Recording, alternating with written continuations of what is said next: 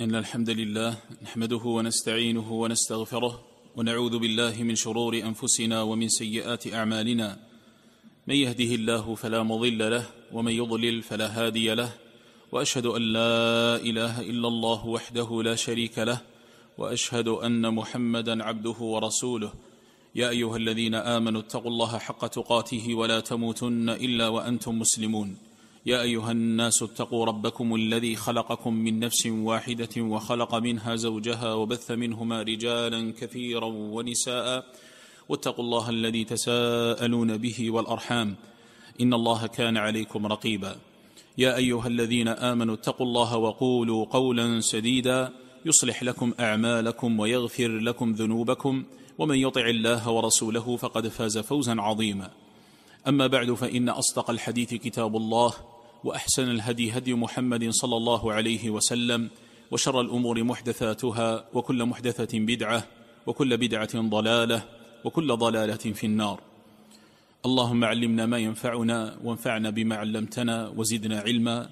اللهم إنا نسألك علما نافعا ورزقا طيبا وعملا متقبلا. لازلنا أيها الإخوة مع شرح رسالة الأصول الستة للشيخ محمد بن عبد الوهاب رحمه الله تبارك وتعالى.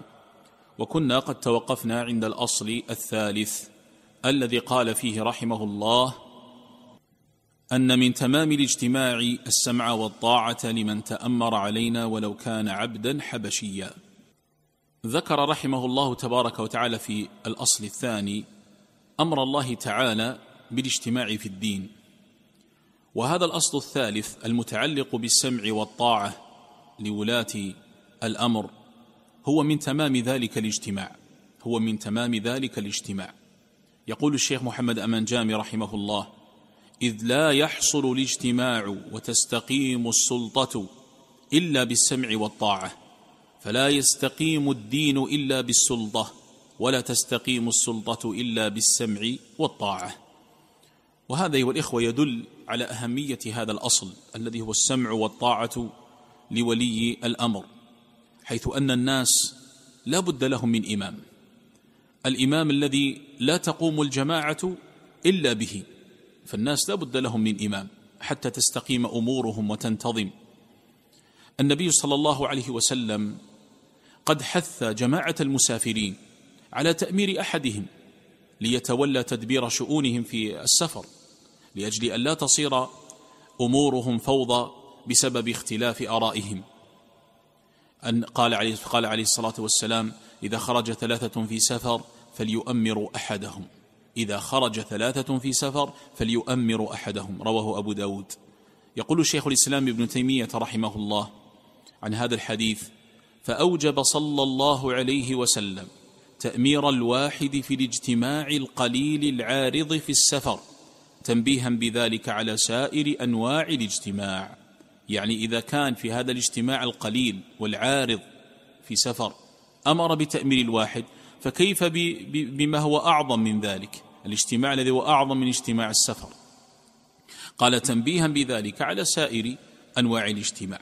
ولا شك أن أعظم الاجتماعات اجتماع الأمة.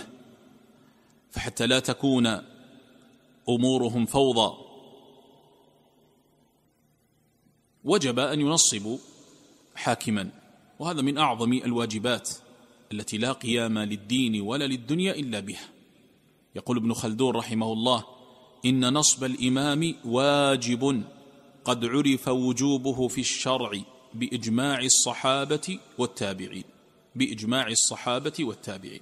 الصحابة رضوان الله تبارك وتعالى عليهم لما مات النبي صلى الله عليه وسلم بادروا إلى بيعة أبي بكر رضي الله تعالى عنه. وتسليم النظر إليه في أمورهم. وذلك متى؟ قبل تجهيز النبي صلى الله عليه وسلم ودفنه. فاستقر ذلك اجماعا دالا على وجوب نصب الحاكم. استقر هذا الفعل من الصحابة اجماعا دالا على وجوب تنصيب الحاكم. ومن أدلة وجوب نصب الحاكم قالوا النبي صلى الله عليه وسلم ومن مات وليس عليه إمام جماعة فإن موتته موتة فإن موتته موتة جاهلية. وقال أيضا صلى الله عليه وسلم ومن مات وليس في عنقه بيت بيعة مات ميتة جاهلية. فإذا من أعظم الواجبات التي لا قيم للدين ولا للدنيا إلا بها تنصيب الحاكم وقد دل عليها إجماع صحابة رسول الله صلى الله عليه وسلم وهذه الأحاديث. وقد يسأل فيقال الحاكم يجب أن ينصب فكيف ينصب الحاكم؟ كيف ينصب الإمام؟ وكيف ينصب الحاكم؟ تنصيب الحاكم أيها الإخوة يكون بثلاثة طرق في الجملة. الطريق الأول وهو الاختيار والبيعة من أهل الحل والعقد. أهل الحل والعقد الذين يتصفون بالعلم والرأي والمشورة. إذا اختاروا وبايعوا من توفرت فيه شروط الإمامة الكبرى فإنها تثبت له فإنها تثبت له ويكون إماما وحاكما. يقول شيخنا محمد علي فركوس وليس من شروط ثبوت الإمامة والطاعة أن يكون كل مسلم من جملة المبايعين له وإنما تلزم بيعة أهل الحل والعقد كل واحد ممن تنفذ فيه أوامره ونواهيه. وهذا البيان منه حفظه الله إلى أن هذه البيعة لا تشترط أن تكون من كل الناس. ولهذا قلت تكون بالاختيار والبيعة من أهل الحل والعقد. من أهل البيع من أهل الحل والعقد. وبيعة أهل الحل والعقد تلزم كل واحد ممن تنفذ فيه أوامره ونواهيه. وبهذه الطريقة تمت مبايعة أبي بكر الصديق رضي الله تعالى عنه فخلافة أبي بكر رضي الله تعالى عنه ثبتت بالبيعة والاختيار. ومن أهل العلم من يرى أن خلافة أبي بكر رضي الله تعالى عنه قد ثبتت بالنص والإشارة من النبي صلى الله عليه وسلم.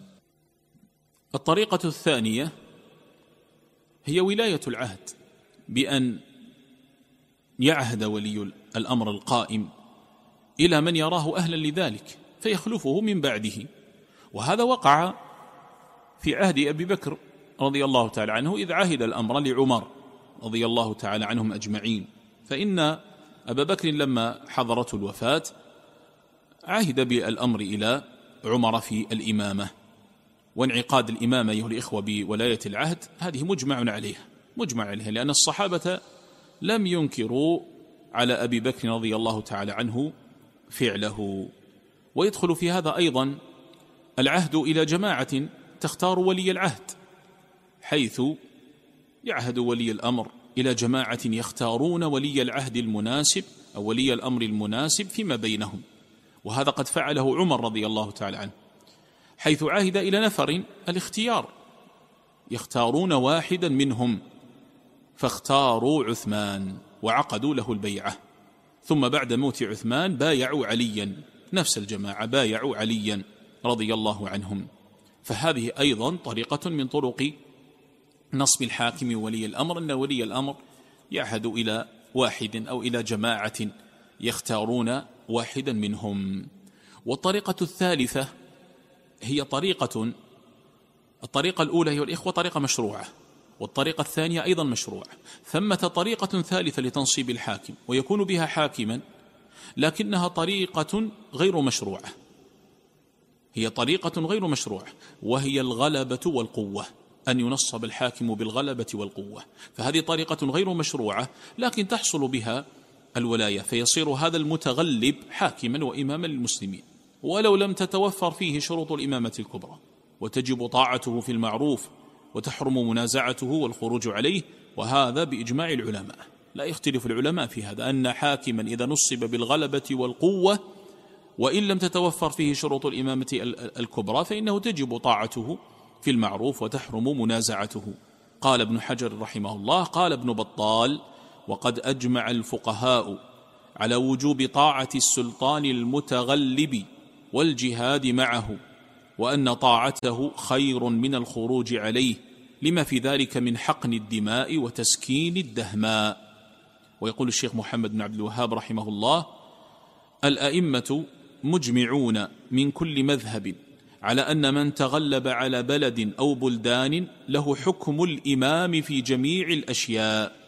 ولولا هذا ما استقامت الدنيا ولولا هذا ما استقامت الدنيا. فهذه الطريقة طريقة تنصيب الحاكم بالغلبة والقوة وإن كانت غير مشروعة لكن تحصل بها الولاية ويصير هذا المتغلب إماما للمسلمين. كما قاله ابن بطال رحمه الله لما فيه من المصالح. قال لما في ذلك من حقن الدماء وتسكين الدهماء. فهذه الطرق الثلاثة هي التي ينصب بها الحاكم. وتثبت بها الإمامة الكبرى.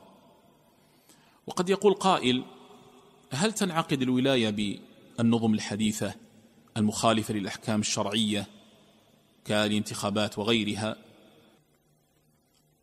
الجواب نعم تثبت الإمامة والولاية بها وهذا يلحق بالطريقة الثالثة يعني يجري مجرى طريق الغلبة والاستيلاء والقهر والقوة كما قال شيخنا محمد علي فركوس. وشيخنا حفظه الله له رسالة في هذا الباب آه، تكلم فيها عن هذه الطرق وعنوان لها منصب الإمامة الكبرى أحكام وضوابط. قال الشيخ محمد بن الوهاب رحمه الله أن من تمام الاجتماع السمع والطاعة لمن تأمر علينا لمن تأمر علينا يعني صار ولي أمر علينا. بواحدة من الطرق السابقة. صار ولي أمر علينا. فمن تمام الاجتماع الذي هو من أصول العظيمة السمع والطاعة. السمع والطاعة له. ما معنى السمع والطاعة؟ السمع يقول الشيخ سليمان حفظه الله الرحيلي هو هو هو الإصغاء لكلام ولي الأمر والعناية به وعدم الإعراض عنه. يعني أن السمع هنا أيها الإخوة هو كناية عن الرضا والقبول والامتثال. الرضا والقبول والامتثال. والطاعة الطاعة هي الانقياد والعمل بما يأمر. الانقياد والعمل بما يأمر. وقد قرن السمع والطاعة جميعا في النصوص في الكتاب والسنة كقوله سبحانه وتعالى وقالوا سمعنا وأطعنا. وفي الحديث قال للصحابة عليه الصلاة والسلام لا تقولوا سمعنا وعصينا وقولوا سمعنا وأطعنا. وقال أيضا صلى الله عليه وسلم تسمع وتطيع للأمير. والأدلة من الكتاب والسنة قد دلت على وجوب السمع والطاعة للحاكم. دلت على وجوب السمع والطاعة. كقول الله عز وجل يا أيها الذين آمنوا أطيعوا الله وأطيعوا الرسول وأولي الأمر منكم وأولو الأمر هم العلماء والأمراء. وقال صلى الله عليه وسلم على المرء المسلم السمع والطاعة فيما أحب وكره إلا أن يؤمر بمعصية. والحديث متفق عليه. وقال أيضا صلى الله عليه وسلم أوصيكم بتقوى الله والسمع والطاعة وإن كان عبدا حبشيا. والأحاديث في هذا الباب كثيرة جدا فهذه نصوص أيها الإخوة تدل دلالة واضحة على وجوب السمع والطاعة لولاة الأمر على وجوب السمع والطاعة لولاة الأمر. وهنا أمران مهمان. أما الأمر الأول الذي ينبه عليه أن الطاعة أيها الإخوة إنما تكون في المعروف فالسمع والطاعة لولي الأمر إنما تكون في المعروف ما لم يأمرنا بمحرم أي أن ولي الأمر يطاع ما لم يأمر بمعصية فإن طاعته قد جعل لها حد تنتهي إليه وهو أن لا يأمر بمعصية كما في الحديث الذي يقول فيه صلى الله عليه وسلم على المرء السمع والطاعة فيما أحب وكره إلا أن يؤمر بمعصية فإن أمر بمعصية فلا سمع ولا طاعة. وأيضا في الآية الله عز وجل لما قال يا أيها الذين آمنوا أطيعوا الله وأطيعوا الرسول وأولي الأمر منكم. لم يقل وأطيعوا أولي الأمر. للدلالة على أن طاعتهم تابعة. تابعة وليست مستقلة. فإنهم يطاعون ما أطاعوا الله ورسوله. عليه الصلاة والسلام. وأما إذا أمرون بأمر يخالفون فيه أمر الله وأمر رسوله صلى الله عليه وسلم فإنهم لا يطاعون في ذلك. فالطاعة في المعروف.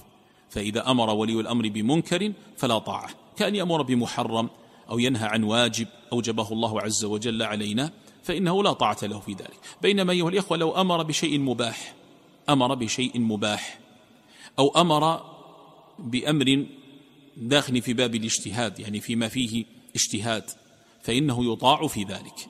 فإذا أمر بأمر مباح أو فيما فيه اجتهاد فإنه يطاع في ذلك فهو فهذا هو الضابط في طاعة ولي الأمر. إلا أن يأمر بمعصية كما قال صلى الله عليه وسلم.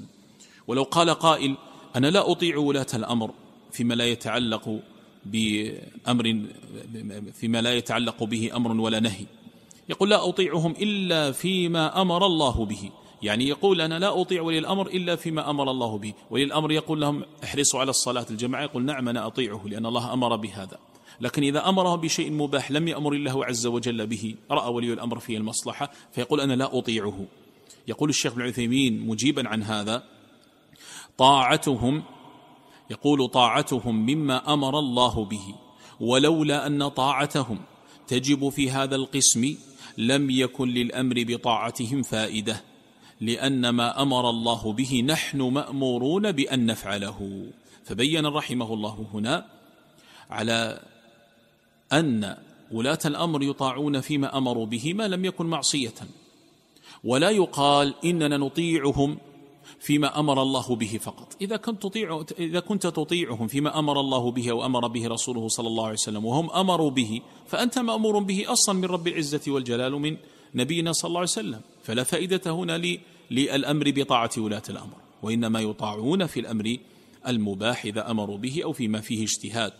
وقال رحمه الله في شرح رياض الصالحين في الرد على من يقول لا نطيع ولاة الأمر إلا فيما أمرنا الله به أي لا يطيعهم في المباح إذا أمروا به. قالوا لأننا لو وجبت علينا طاعتهم لكانوا مشرعين.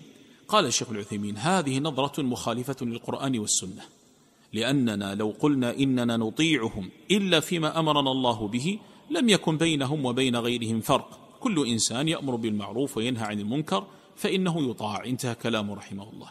فيأتي إنسان يأمرك بمعروف وينهاك عن عن منكر فتطيعه لأنه دل لأن الطاعة هنا أصالة لله ورسوله.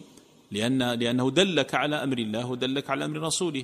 أو عمن نهى عنه الله ونهى عنه رسوله صلى الله عليه وسلم فنهاك عنه فتطيعه في هذا. والفارق بين ولاة الأمر وغيره من الناس أن الله أمر بطاعتهم في شيء زائد وهو طاعتهم فيما أمروا به من الأمور المباحة التي يروا فيها مصالح المسلمين أو فيما فيه اجتهاد فأخذوا بقول وأمروا به. والتنبيه الثاني والأمر المهم الذي أيضا ننبه عليه أنه لا يشترط في طاعة ولاة الأمر أن يكونوا عدولا. فلا يقول قائل أنا لا أطيع ولاة الأمر إنهم فساق إنهم فجرة إنهم يفعلون كذا وكذا حيث يكون هذا الولي ولي الأمر المسلم واقعا في المعاصي. فلا يقال نطيعه حتى يطيع الله لأننا أيها الإخوة مأمورون بطاعته ما لم يأمر بمعصية الله هذا الذي أمرنا به حتى ولو وقع هو في معصية الله فنحن نطيعه إذا كان الأمر ليس فيه معصية لكن كان فيه معصية فلا سمع ولا طاعة فلا يقال لولي الأمر نحن لا نطيعك حتى تطيع ربك لا هذا ما يقال لأن الواجب طاعته في المعروف وإن لم يطع ربه سبحانه وتعالى ما دام مسلما. فالطاعة ليست مشروطة بأن يكون الحاكم عادلا غير واقع في المعاصي بل له الطاعة في المعروف ولو كان جائرا فاسقا.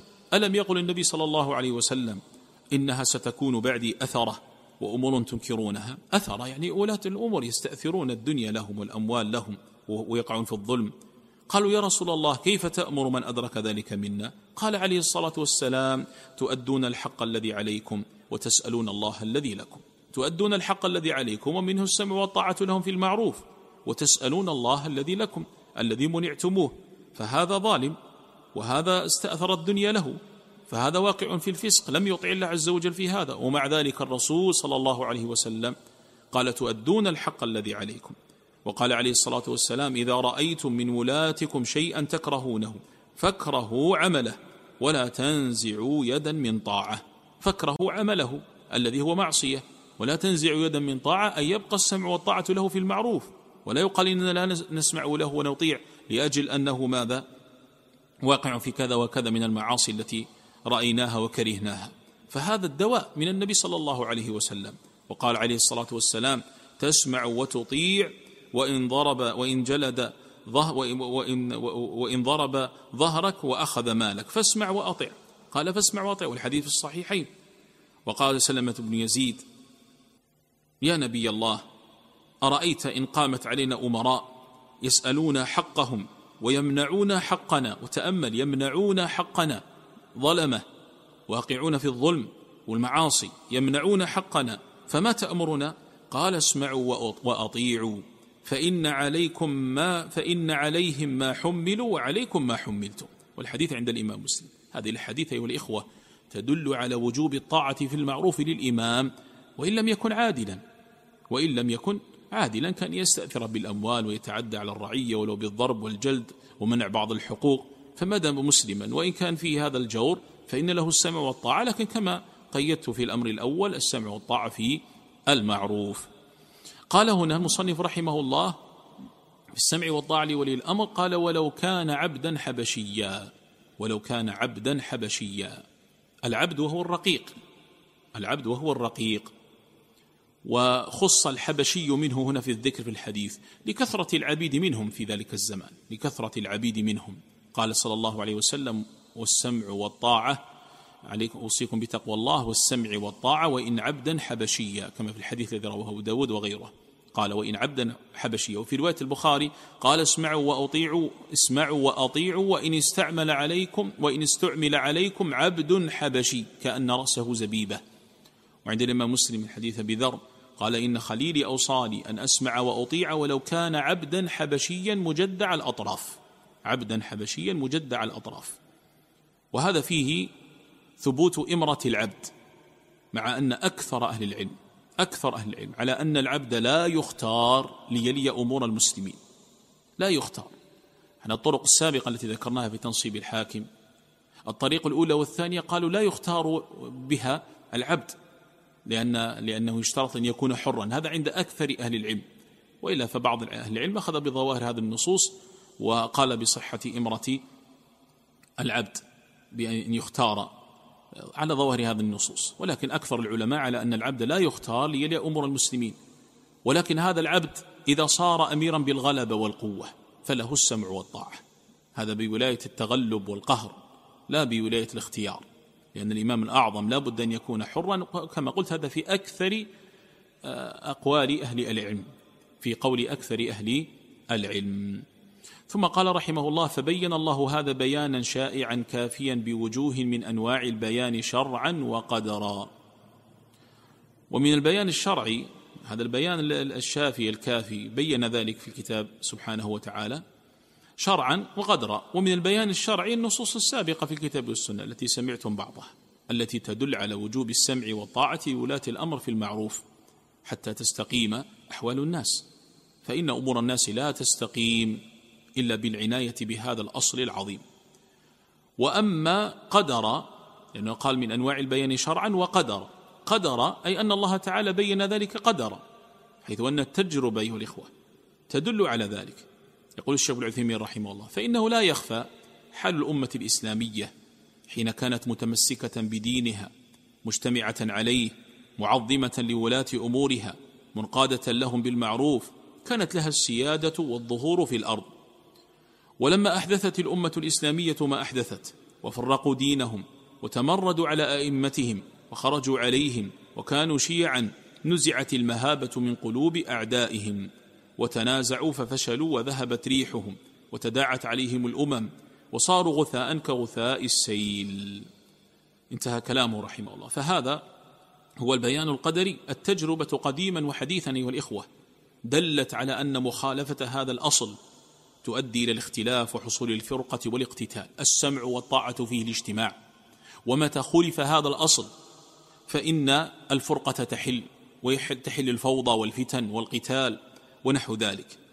ومن التجربة القديمة ما وقع في خلافة عثمان فقد خالف طائفة هذا الأصل ولم يجتمعوا على ولي أمرهم الذي هو عثمان رضي الله تعالى عنه. فما الذي حصل؟ وقع القتال وقع القتال والخلاف حتى قتل عثمان رضي الله تعالى عنه وأرضاه. ويمكن يقال أيضا من التجربة الحديثة التي عايشناها ما وقع في بعض بلدان الإسلام بما يسمى بالربيع العربي حيث خالف الناس هذا الأصل. فما وقع؟ فما الذي وقع؟ وقع الاختلاف والفوضى والقتال ودمرت تلك البلاد.